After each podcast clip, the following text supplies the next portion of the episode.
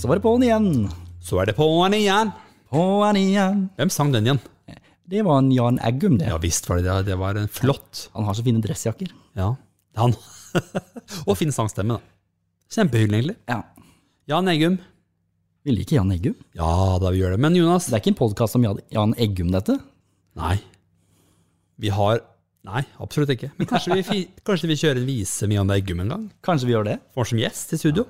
Det er snart påske, Remi. Ja, det nærmer seg med store Det er jo denne uka. Ja da. Og Begynner noen, jo offisielt på torsdag, men eh, noen har sikkert reist på fjellet allerede. garantert. Tror du ikke det? Jo da, de har Det- pakka Teslaen full. Ja, dø. på Teslaen som vinterferien. Nettopp. Han skal på fjellet. Skal på fjellet. Pakka For det er lov å dra på hytta. Ja, da er det. Men kan man ha besøk? På hytta, nei. Nei. Jo, kanskje. Eller to. nei, Åssen er det? To stykker? Jeg skjønner Der ser du Ja. hvor forvirra man blir. Hytta. Hytta. Så jeg blir veldig forvirra egentlig om jeg er der eller der. Men jeg tror ikke man skal ha besøk i noen enkelte kommuner. Sikkert ikke. Og så tror jeg det er noe sånn at hvis du føler deg sjuk, dra hjem og noe sånt. Det er sånn. Så det får folket gjøre. Ja, absolutt. Du, du, du, du, du, du. Skal du feire påske? Jeg vet det hva, Jonas. Jeg har bursdag. Ja, dæven! Så hvor er Du blir, du, du. du blir 57 år. Nei da. 57 år blir jeg. 41 blir du. 41 år. Ja. Jeg er faktisk eldre enn deg. Da er du ett år eldre enn meg. Jeg er bare 40. Ja, jeg er faktisk det. Men eh, ja, på torsdag. Onsdag er det vel. 31. Onsdag, så rett før påsken. Rett før påsken så Så først skal du feire at du blir 41. Ja da. og så skal du feire Ja, hvorfor feirer vi påske? Jeg vet, vet, det, vet hva, det er mange Jeg er helt overbevist om at ikke alle vet det. Og det tror jeg, Jeg er ikke sånn, ikke sånn helt oversikt sjøl. Det eneste jeg vet, er at det har noe med Jesu lidelse og oppstandelse og alt det greiene der. Det er eh, kristent. Først så havna han på korset, og så sto han opp igjen, og så det er det påsken, påsken handler om. Ja. Ja, Og dette kunne vi snakka lenge om, tror jeg. Ja, kunne vi det? Ja, for det tror jeg er med en helt annen verden. ja. Men det er ikke det podkasten vår handler om. Nei, nei, nei. Verken Jan Eggum eller Jesus. Nei, men i påsken så har de tid til å høre på podkast. Og for en uke! Vi har jo eh, litt spennende ting på gang, ja. Ja, har vi ikke det? Vi er jo absolutt der vi skal være, vi. Det er det vi har. Så jeg syns egentlig bare at vi skal sette over til eh, denne ukens gjest, ja. Vi kjører på.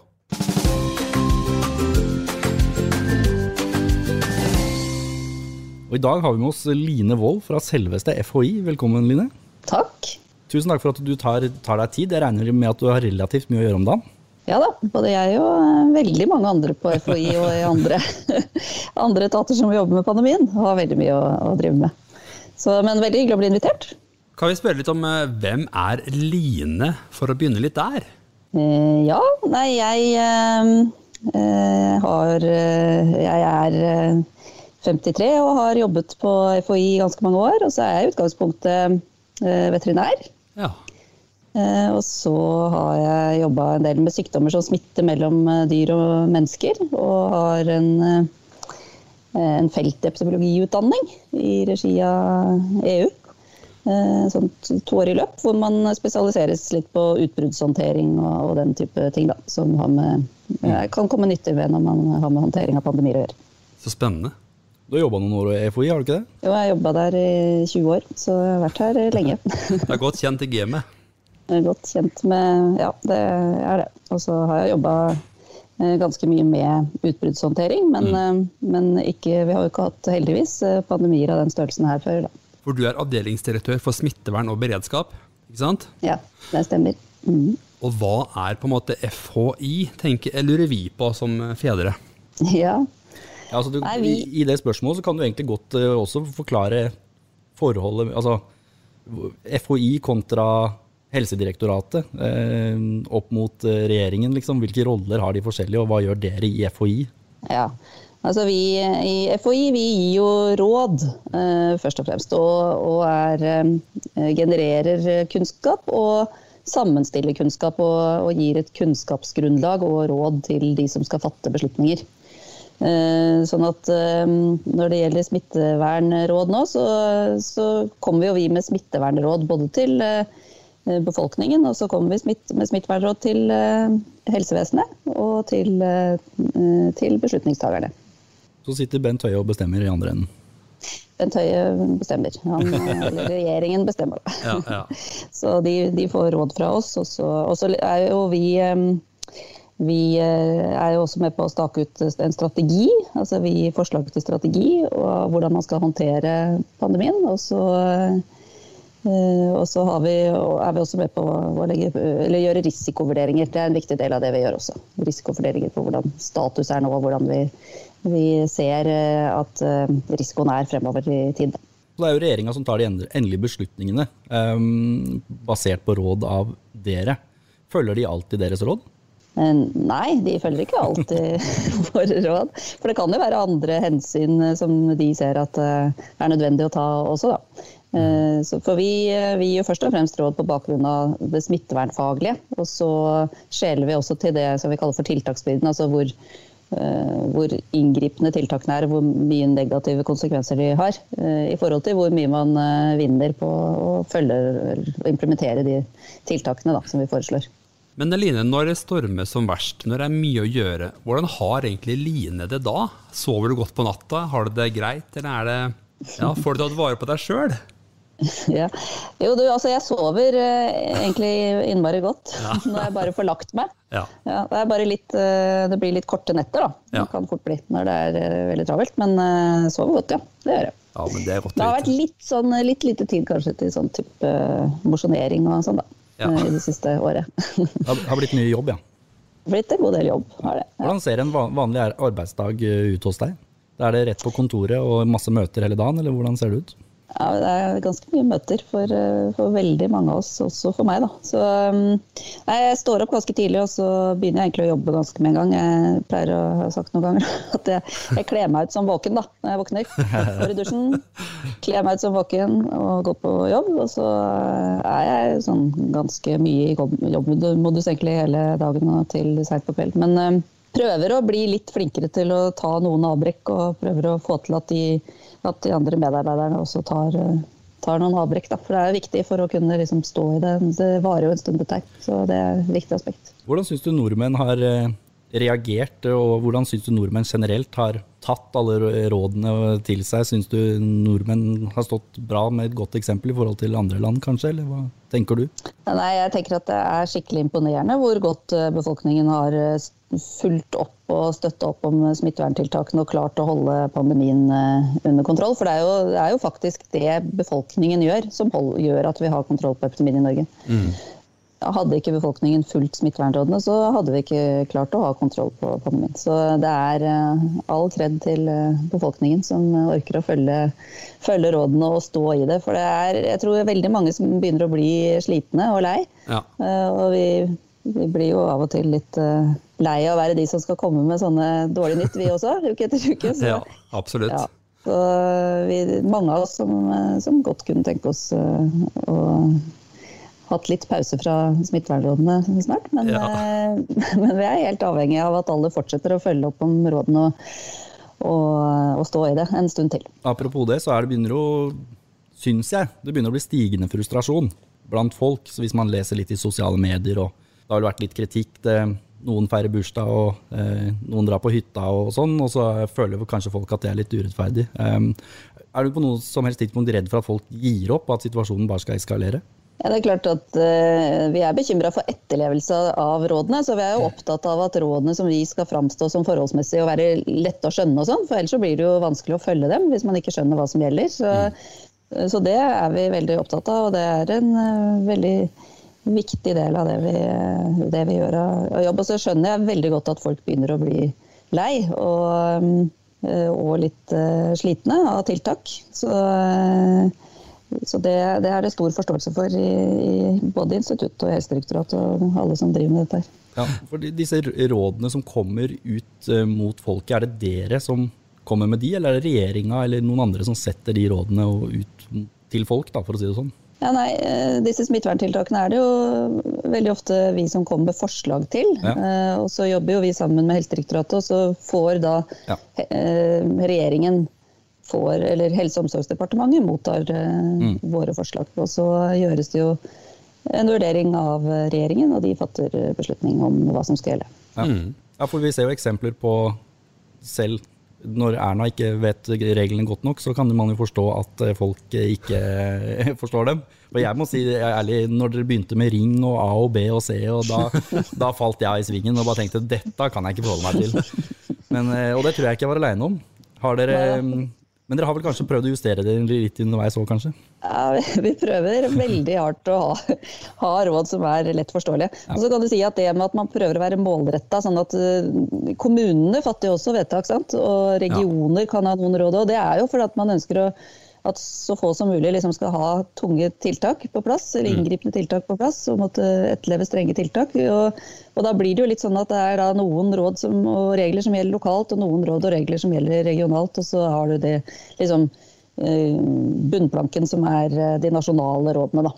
Mm. Og da blir det fort eh, Det kan bli mye å, å holde styr på. Men jeg tror liksom, det aller viktigste å huske på nå er jo de generelle rådene som vi må forholde oss til eh, sånn hver dag ute. Mm. Og hvis det er noe spesielt du skal, så kan du jo slå opp. Altså ja. Hvis det gjelder eh, noen idrettsarrangementer eller andre ting man lurer på om er lov eller ikke, så går det jo an å, å slå det opp. Og da eh, er det jo sånn at det er det strengeste som gjelder. Eh, sånn at hvis det er det strengeste nivået er det som gjelder, er eh, flagga nasjonalt, så er det det som gjelder. Ja. Eh, hvis det er noen enda strammere regler eh, lokalt der du er, så er det de som gjelder. Det snakkes mye om mutasjoner fra både det ene og andre landet. Hvorfor er disse variantene så mye farligere? Kan du si litt om det, Line? Ja, for det første så er det jo sånn at mutasjoner det er jo endringer sant, mm. i viruset, og det skjer hele tiden. Det er helt normalt at det skjer i virusene. Og så er det jo sånn at de fleste da, eh, endringene, de fleste mutasjonene, de gjør ikke noe særlig forskjell for viruset. Så det merker ikke vi noe særlig til. Men så er det noen mutasjoner da, som kan påvirke f.eks. smittsomhet. Mm. Og det er jo en viktig egenskap for oss. Eh, om det blir mer smittsomt eller ikke. Det merker vi jo. Og de nye variantene nå som det er mye fokus på, de er jo mer smittsomme enn de andre variantene vi hadde tidligere. Og, ja, og, nå er det jo mye fokus på den engelske varianten, som da har blitt dominerende her på Østlandet, og som brer seg også i andre deler av landet. Og, og den varianten er jo vesentlig mer smittsom. Og det betyr jo at det blir litt mer krevende å holde epidemien under kontroll, fordi at den sprer seg lettere. Og så I tillegg da, så kom det jo enda litt mer nytt her, med at, uh, dårlig nytt, med at den gir også høyere risiko for alvorlig sykdom. Ja, ikke sant. Sånn til, ja, så da I tillegg til å være mer smittsom, så er det høyere risiko for alvorlig forløp og sykehusinnleggelser hvis man blir smittet av med den varianten, enn med de variantene som er tidligere. Og så er det enda en ting vi følger nøye med på, og det er om eh, virusene endrer seg sånn at vaksinene kan virke noe dårligere. Mm. Det er også veldig viktig, eh, en viktig ting som vi følger nøye med på. Og den sørafrikanske varianten den har det jo vært reist spørsmål om vaksinene kanskje har noe dårligere effekt på. Noen av vaksinene. Mm. Så alle disse tingene er jo sånt som vi må følge med på hele tiden. Jeg har lest litt på nettlinje at uh, eh, FHI uttalte at det, det, dere kjører mange sykluser i forbindelse med PCR-test. Um, dere kjører vel helt opp til 40, tror jeg? Ja. Um, og det er vel så vidt jeg Nå er ikke jeg helsepersonell, jeg forstår meg ikke nødvendigvis på det, det er derfor jeg spør. Mm. Um, øker ikke det faren for falske positive signaler?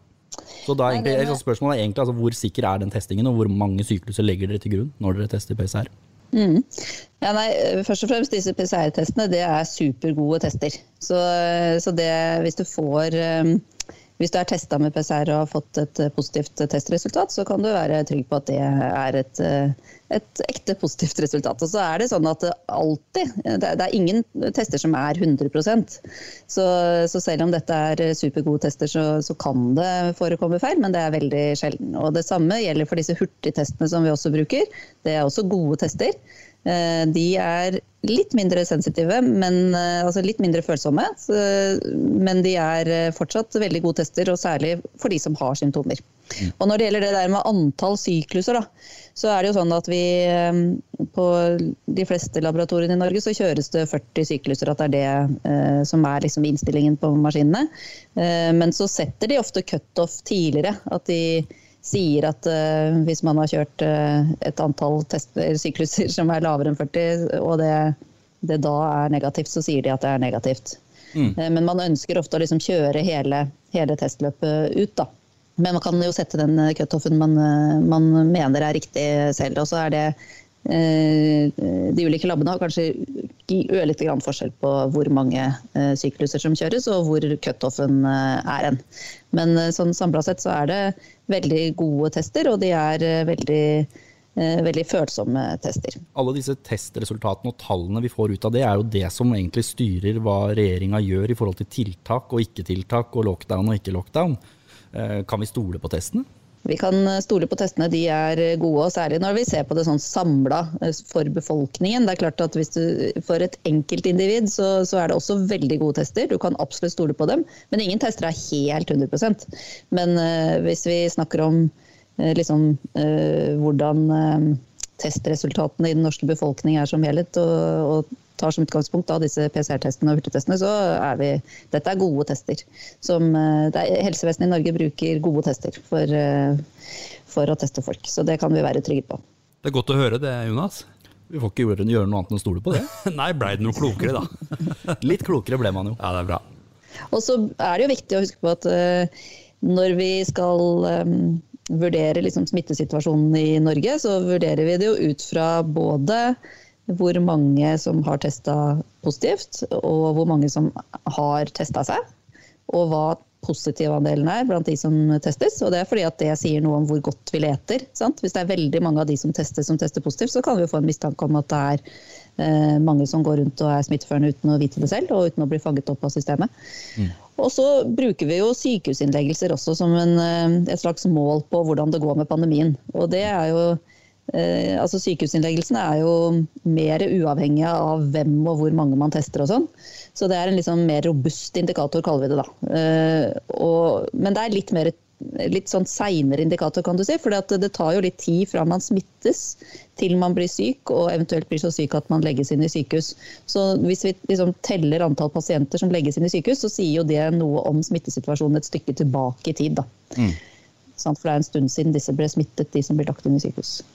Men alle, alle, disse tingene ser man jo på samlet. sånn at det er ikke, Vi gjør ikke en vurdering ut fra bare én av disse tingene, vi ser på hele totaltbildet. Og så bruker vi også modellering å, eh, som sier oss noe om hvordan, vi, eh, hvordan det kan gå videre, gitt den utviklingen som har vært til nå. Da. Det er liksom predikere litt framover hvordan utviklingen blir videre, hvis man da ikke gjør noe.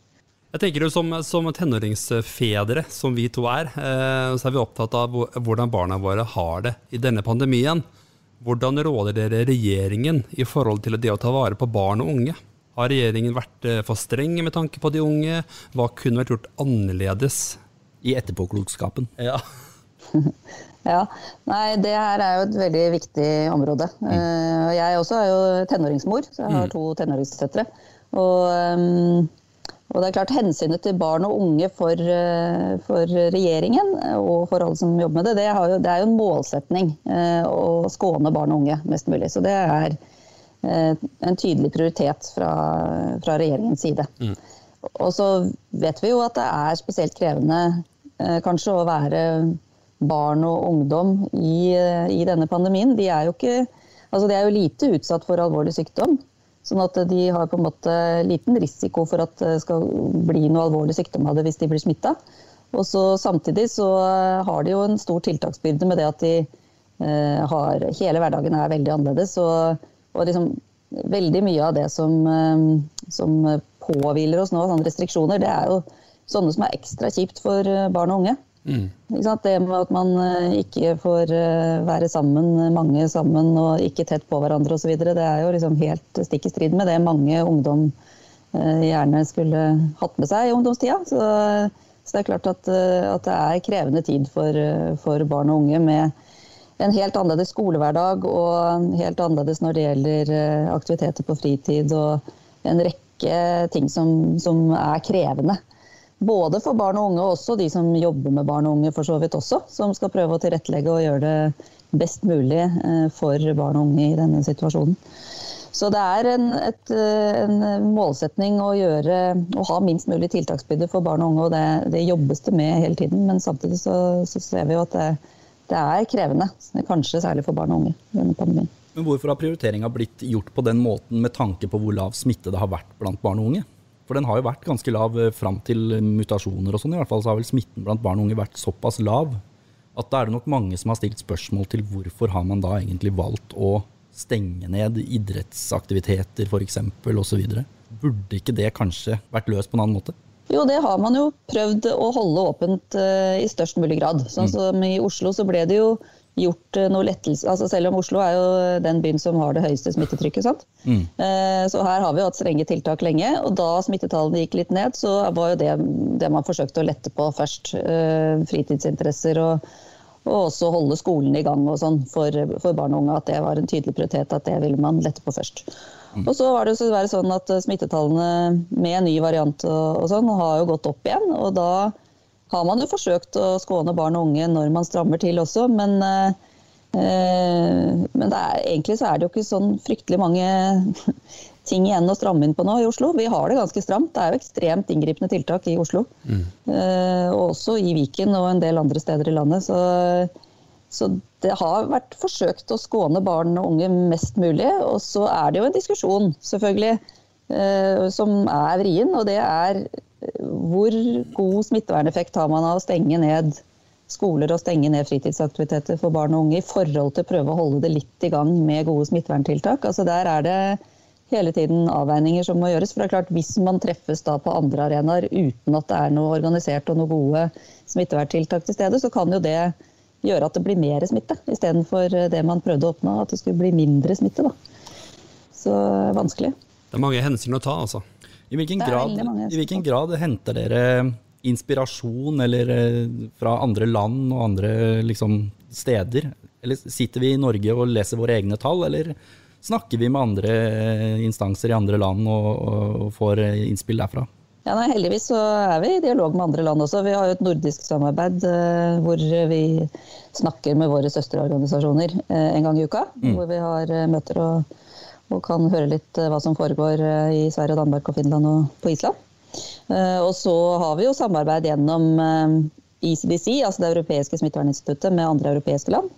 Og så har vi jo samarbeid i regi av Verdens helseorganisasjon. Så det er et utstrakt samarbeid sånn internasjonalt også. Og så ser vi at det er mange, mange, ting som gjøres eh, litt likt, men så er det noen ting som gjøres litt ulikt også. Mm. Og mange land har jo hatt dette med å prioritere å holde skolene åpne. Um, at det har vært en tydelig prioritet. Uh, og så er det andre som har uh, vært, brukt stenging i større grad. Og egentlig sånn, ja, også har noen brukt munnbind mer enn andre. og ja, Det er litt sånn ulikt hvor man har satt inn trykket da, på tiltak. Men sånn samla sett så så ser det jo ikke ut som det er noe sånn enkelt tiltak som skiller seg veldig ut, og som har gjort at epidemien har fått et helt ulikt eh, forløp i noe annet land. Så det virker ikke som det er noen sånne enkle løsninger. Det er mye det at det er liksom den samlede pakka med tiltak da, som funker. Hvis du hadde bestemt, så er det det nivået vi ligger på i dag omtrent, som hadde vært eh, nivået du hadde lagt deg på, hvis du hadde vært Bent og regjeringa? ja. Eller hadde det vært altså, strengere eller lettere? Ja, det, altså, I veldig stor grad så, så, reflekteres jo våre råd i det som blir bestemt. Mm. Så det er jo veldig mye de innspillene vi har som blir, blir det som, ja, som blir fulgt. Eh, og så er det selvfølgelig noen uh, unntak, og av og til så, så man jo, har man jo diskusjoner rundt er ikke, Vi er jo ikke skråsikre på noen ting. ikke sant? Så det er veldig sunt at det er litt diskusjoner rundt dette her. fordi her sitter vi ikke med noe sånn to streker under svaret-fasit. Ingen, Nei. egentlig. Nei. Nei. Når det gjelder vaksinering, Line, så har det jo vært eh, ja, ikke kritikk, men altså, folk har stussa litt på hastigheten på vaksinering. Kan du si litt om det? Hvorfor tar, eh, tar dette så lang tid, egentlig? Jeg tror alle skulle ønske seg enda raskere vaksinering. Og ikke bare i Norge, men i hele verden, egentlig. Mm. Eh, for det er, jo, det er jo virkelig det tiltaket som hjelper oss ut av pandemien. Mm. Så det er klart at alle skulle ønske seg at vi fikk mye mer vaksiner inn mye raskere. Men så er det det at det tar jo tid å lage disse vaksinene. Og det vi kan eh, glede oss over, er egentlig at eh, det har gått faktisk rekordraskt å utvikle vaksinene. Mm. Har vi, vi, har aldri klart å utvikle vaksiner så kjapt eh, noen gang i historien. Sånn at det felles løftet som er tatt av forskningsmiljøer rundt omkring i hele verden, det er jo fantastisk. Og så er det selvfølgelig store utfordringer nå med å få produsert nok vaksine til hele verden kjapt nok. Sånn at uh, her er jo vi inne i samme løp som, uh, som EU-landene. Sånn at vi får i samme tempo i forhold til eh, befolkningen som de andre EU-landene får. Og så ser vi at vi skulle gjerne hatt det kjappere, men, men, det tar så lang tid å produsere det. da. hadde det gått fortere om vi satt eh, første dose på alle, og så satt vi dose nummer to når vi fikk den, istedenfor å eh, faktisk holde av dose to til eh, samme person som har fått den første? Ja, nå, altså det er klart at vi, Hvis vi hadde lagt inn lengre intervall, da, nå er jo det under diskusjon hele tiden, men mm. eh, noen land har valgt å sette en første dose og så ha enda lengre intervall mellom dosene. Da ville man jo få satt første dose noe raskere mm. til alle. Har det noe effekt? Ikke, ja, Det er jo sånt som vi driver og modellerer og ser på og prøver å vurdere hele tiden. Ja. Så, så, dette er egentlig ganske vanskelige spørsmål å gi noe mm. to streker under svaret eh, svar på. Ja. ja. men du har gitt et svar allikevel, syns jeg. Ja, absolutt. Ja. Nå har vi jo våren foran oss. Så har du noe med effekten, totaleffekten. Hva blir totaleffekten hvis du gjør det på denne måten i forhold til uh, en annen måte, som, uh, som, blir viktig. Russetida kommer jo nå. Ja. Det er jo en del ungdom som har gleda seg til, men som, som, kanskje ikke får feira den sånn som de hadde håpa. Regner ikke med at de får en ganske normal russetid? Nei, det er vel sånn at det Mye tyder på at det får de ikke. Det gjelder jo eh, sammenkomster og fester og sånn for ungdom ellers også. Så, mm. Og det er jo en av de tingene som er vanskelig, tenker jeg, nå med å være ung. At eh, alt, alt, sånt det er jo satt litt på vent. da. Vi skal jo treffe få og være sammen med få og være nær få. Og det blir jo litt stikk i strid med akkurat det der. der. Så eh, det blir nok en annerledes russetid for russen i år òg, sånn som det var i fjor. Syns russen i fjor eh, likevel klarte å å forholde seg til smittevernreglene og gjennomføre eh, på en god måte. Og så mm. vet vi jo at, eh, eller Erfaringen fra i fjor var jo at det ble jo litt sånn lettelser i tiltak og en enklere tilværelse for de fleste når det ble varmere i været og litt mer sommerlige eh, temperaturer. Sånn at da fikk vi jo lettelser på både råd og på regler, sånn at det gikk an å være litt flere sammen. og og det gjaldt jo selvfølgelig hele befolkningen, også de unge. Så det var nok mange som satte pris på at vi hadde en litt enklere sommer enn det som gjaldt mm, om vinteren. Blir det vanskelig å samle tusenvis av mennesker på Karl Johan nå, regner jeg med? På 17. mai? Ja, det som har vært sagt så langt er vel at man bør egentlig planlegge for at det blir omtrent sånn som i fjor, og så får man heller ta med seg vi har jo ikke mm, gjort noe endelig vurdering av det ennå, men, eh, men, det er i hvert fall foreløpig beskjed også fra, fra Bent Høie. Så ja. vi får, eh, får, bare planlegge etter, at, eh, etter, den oppskriften. At vi kan kanskje gå ut fra at det blir noe, omtrent sånn som i fjor, og så kan vi se om det blir noen lettelser eller innstramminger når vi kommer litt nærmere 17. mai. kjenner jeg veldig spent på påska. Jeg nå, tenker jeg, for nå er jo påskestart, og mange drar på hytta. og Mange drar på kommuner som er kanskje er belasta fra før av med smitte og sånn. Um, hva er ditt beste råd til eh, folket i påska? Kan man komme med noen gode råd her, som ikke er kanskje allerede kjent? Nei, Egentlig så er det jo det samme som vi har snakka om gjennom hele pandemien, som er det mest effektive. Og det er jo dette med å treffe, treffe få og treffe dem ute. Holde to meter avstand. og og ja, redusere sosial kontakt, rett og slett. Altså, så treff få, treff dem ute og hold god avstand. Det tror jeg er eh, egentlig oppskriften. Og så vet vi jo at det er noe mer konkrete råd, så er jo det med maks to på besøk inn over dørstokken. Sant? Eller ja. også i hagene. Og, at, og, det er fordi at hager egentlig regnes som hjemme. Ja, ikke sant. Selv, ja, det gjør det. Og det er jo noe med også at hvis man er samla i hagen, så er det jo lett selvfølgelig å gå på do inne. Og man siger kanskje litt inn hvis det er kaldt, og blir hengende litt på kjøkkenet på vei ut fra toalettet igjen. Og, ja. og litt sånn. Så, så det, det, regnes som, eh, som, hjemme, da, sånn i lovens forstand. Nå har jo så, smittetallene økt stort sett alltid når det har vært noen slags ferie, høytid. Um, har du noe, hvor stor tro har du på at vi kommer gjennom påsken uten at eh, smittetallene fyker i været? Ja, Det blir veldig spennende nå. Nå ser vi jo faktisk at det er liksom en liten sånn forsiktig optimisme rundt at tallene flater litt ut så langt denne uka. Og det, den gode, forsiktige trenden der, den vil vi gjerne at skal fortsette gjennom eh, påske. Og at vi, får, at vi får snudd eh, smittetallene helt. At vi går nedover når det gjelder antall nysmittede. Og, eh, og, for å få til det, så er vi avhengig av at alle følger smittevernrådene. Da. Og da er egentlig det viktigste at vi ikke er tett sammen med mange. Sant? Så det viktigste er treff få, treff dem ute og hold to meter avstand. Da er veldig mye gjort, egentlig, hvis vi klarer å få til det. Så lurte sønnen min på når kan han gå på innebandytrening igjen? Ja, Det syns jeg er et veldig godt spørsmål. Men eh, ja, eh, ja, da er egentlig svaret at det vet jeg ikke helt sikkert. Beklager det. Men uh, vi må prøve å få til at uh, aktiviteter for barn og unge kommer i gang fortest mulig. Når, det, når vi ser at det er mulighet for det, så, så er jo det det vi vil prioritere først i våre råd. Og det er jo det regjeringen og alle andre som bestemmer, også vil prioritere først. Det ligger liksom i planverket. Det er liksom definert det at det er det som skal prioriteres først. Så det er bra. Tusen takk, Line, for at du tok tid av din, eh, din dyrebare tid. Du har mer enn nok å gjøre. Så, så sier vi takk eh, for eh, gode svar, og så får du ha en strålende eh, uke. Hvis du er så god, så god du kan med alt du har å gjøre. Tusen takk. Og god påske. Og god påske ja. når den tid kommer. Skal du på fjellet, forresten? Du, jeg har planlagt å dra med de jeg bor sammen med her, da, en tur opp på, på hytta. Den Ja. ligger litt sånn avsides til oppe på fjellet, så vi må Det er ikke vei dit og sånn, så vi På med skia og Ja, det er skikkelig litt sånn logistikk, da. Må bære og, og sånt. Men uh, det er veldig fint når man kommer opp der. Så jeg håper at jeg skal få til det. Og så skal jeg um, kombinere det med litt jobb, da. Men det er, uh, det er fint uh, oppå der. Så det håper jeg at jeg får til. Og så vil jeg gjerne ønske alle som hører på, så god påske. Og, og dere, dere to også.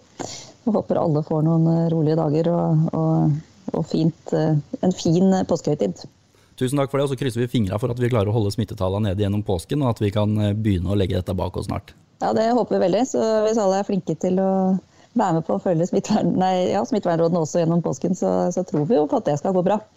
Så, eh, så langt så har jo norske befolkning vært veldig gode på å følge smittevernrådene, så vi, vi håper at det får vi til nå gjennom påsken. Det blir bra igjen.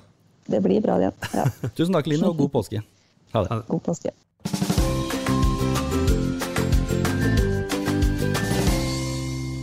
Da er det tid for låt, Remi. Over Ja. noe hyggeligere. Ja, det er alltid god stemning. Korona er ikke god stemning. Nei, det er det ikke, men gitaren er på plass. Synging, det er god stemning. Og da tenker jeg da, så fort jeg har den på fanget, så får jeg en god ro i sjela. Jeg ser deg, du sitter der med gitaren, og det det er nesten som om det var en vakker kvinne. Ja, sånn behandler jeg gitaren Er det ikke sant? På sp jeg spiller på strengene. Nettopp. G-strengen. Ja, det kan vi gjøre. Rett og slett. Herregud. Ja, skal vi kjøre på en sang, da, eller? Bamses fødselsdag, er det det? Det- Ja, det syns jeg er eh, Og så må det jo handle om korona i dag. Sånn er det bare. Ja, det må du gjøre. Sånn er det Og bare. litt om Erna, eller? Litt om Erna. Ja, og Litt korona. om noe sushi og noe litt sånn. kanskje? Jonas, jeg er klar. Du er klar. Veldig klar. Veldig bra. Ja.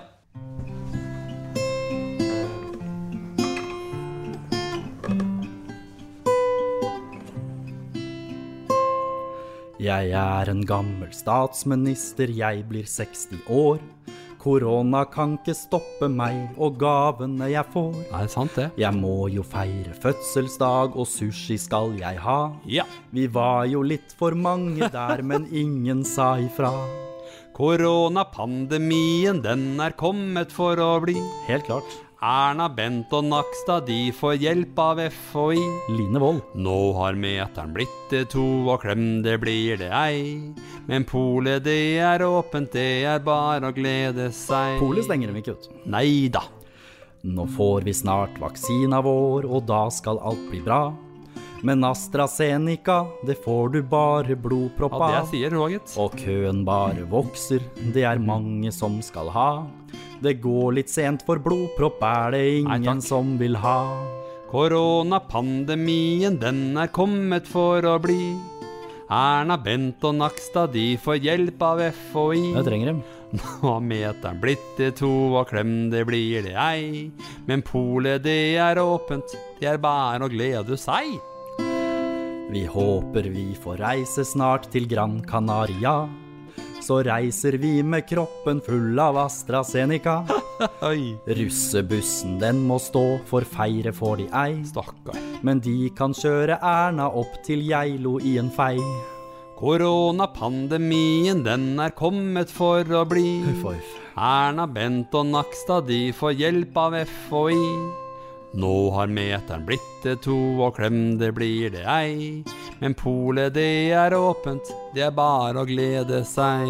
Tør ikke å røre polet, vet du, Remi. Nei, det gjør ikke det. Nei, nei, nei. For det er som Rørum, det som vi snakka om sist, Jonas. Det er norske sjela, det. Ja, Polet. ja. Vinmonopolet. Står i hyllene på, på polet.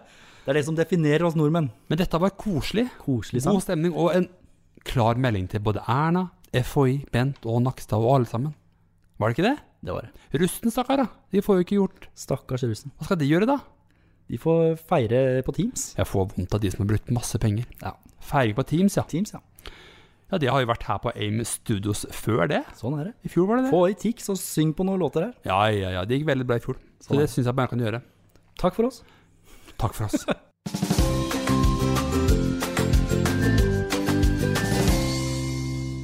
Åpne postkassa, Remi.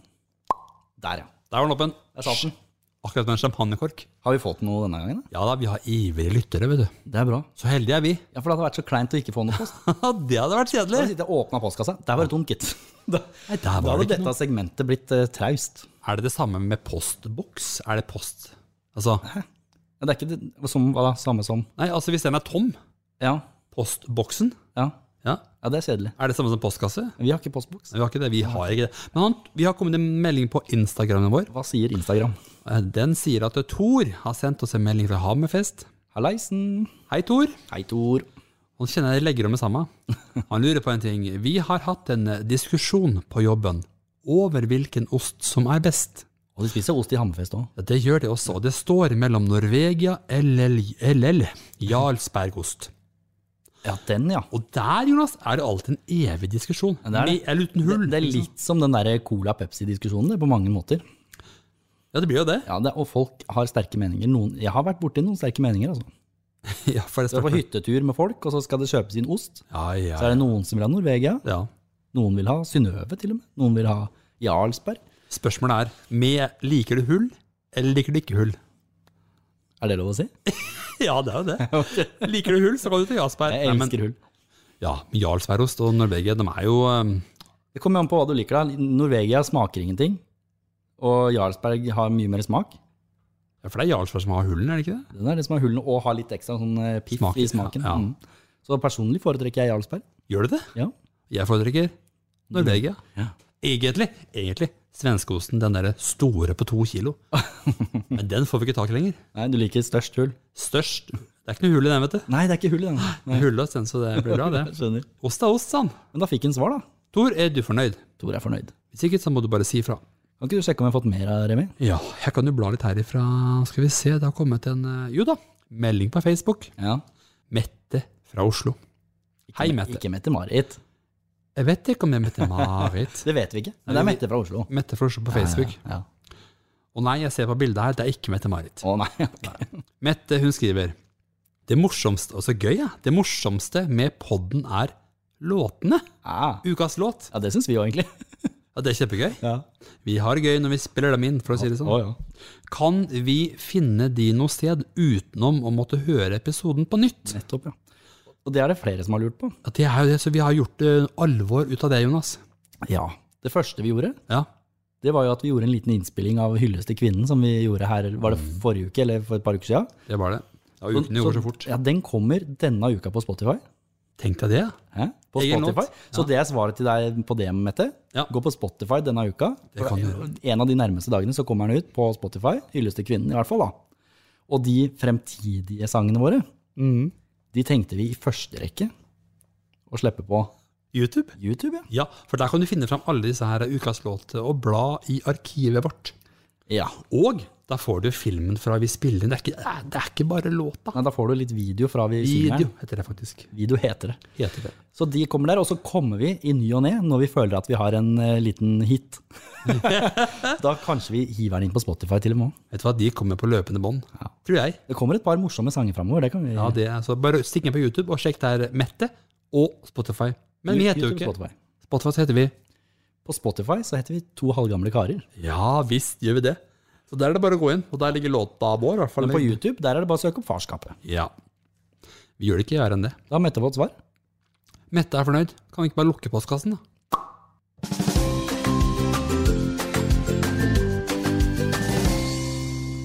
Hun hadde mye på hjertet, Jonas. Og vi som eh, to hoder som er nysgjerrige, vi lurer på mye rart. Vi er nysgjerrige, og så har ikke vi medisinsk eh, utdannelse. for å si det på den måten. Nei, kan man si takk for det, eller kan man si ja? Så jeg lærte noe, jeg. Ja, absolutt. Eller hadde du kontroll på alt dette på forhånd? Dette med tester og sånn visste jeg mye om. Eh, Nei, jeg gjorde ikke det, Du har fordypa deg i det? jeg syns det var veldig opplysning og veldig hun snakker veldig rett til folket på en god måte, syns jeg. Uten All å bruke ære. for vanskelige ord, ja. Ja, for det har de lett til i regjeringen og hvor som helst. Myndighetene er eh, Ja, nei, jeg ble klok. Og det er jo sånn, du veit, Line og for så vidt alle de andre som skal bestemme og komme med råd og sånn, det er ikke Vi får ha litt tålmodighet, og det er ikke så lett, da. Det, de skal vurdere mange ting, eh, og noen blir skuffa hvis man gjør sånn, og noen blir skuffa hvis vi gjør sånn, og sånn vil det på en måte alltid være. Og vi, vi får prøve alle sammen å ha litt eh, store hjerter og eh, rett og slett ikke stille så mye kritikk til hverandre. Vi får prøve å hjelpe hverandre. Jeg vi tenker vi må det. Kan vi komme med en anbefaling, en oppfordring nå i påsken? Det er jo påske nå. Skal vi gjøre det? Tenkte du, spis mye påskeegg? Ja, spis Sånn. deg godt, godt opp, for dette her vil vare i lang tid. Det vil vare i lang tid. Spis, si det? spis deg godt opp på påskeegg, Ja, så du har litt å tære på. Utover våren og sommeren. Det var kjempepositiv avslutning. Og bikinisesongen, Ja, Hva med den? den lar vi utgå. I år også. Ja, Vi kan jo ha på bikini selv om det er korona. Ja da, vi kan det, vet du. Eller hva tenkte du på? Ja, det er bare å spise seg opp i kilo, Ja, for du sånn, skal ja. ha mye å tære på. Og da kan du ikke ha bikini, nei. Det var det du tenkte på. Nei, da. Jeg bruker sjelden bikini uansett, da. Ja, du gjør det. Ja. Det er veldig bra, Jonas. Vi er eh, godt fornøyde med Line som gjest. ja, Og nå kommer påsken. Ja, Nå skal vi Det er tid for mirakler. vær så snill, alle sammen. Påsken er tid for mirakler. Det er det. Kanskje det skjer et lite koronamirakel i påsken? Skal vi krysse fingrene for det, Skal vi ikke det? og ønske hverandre Og så krysser vi fingrene for at alle som hører på oss, har en helt strålende påske. god påske.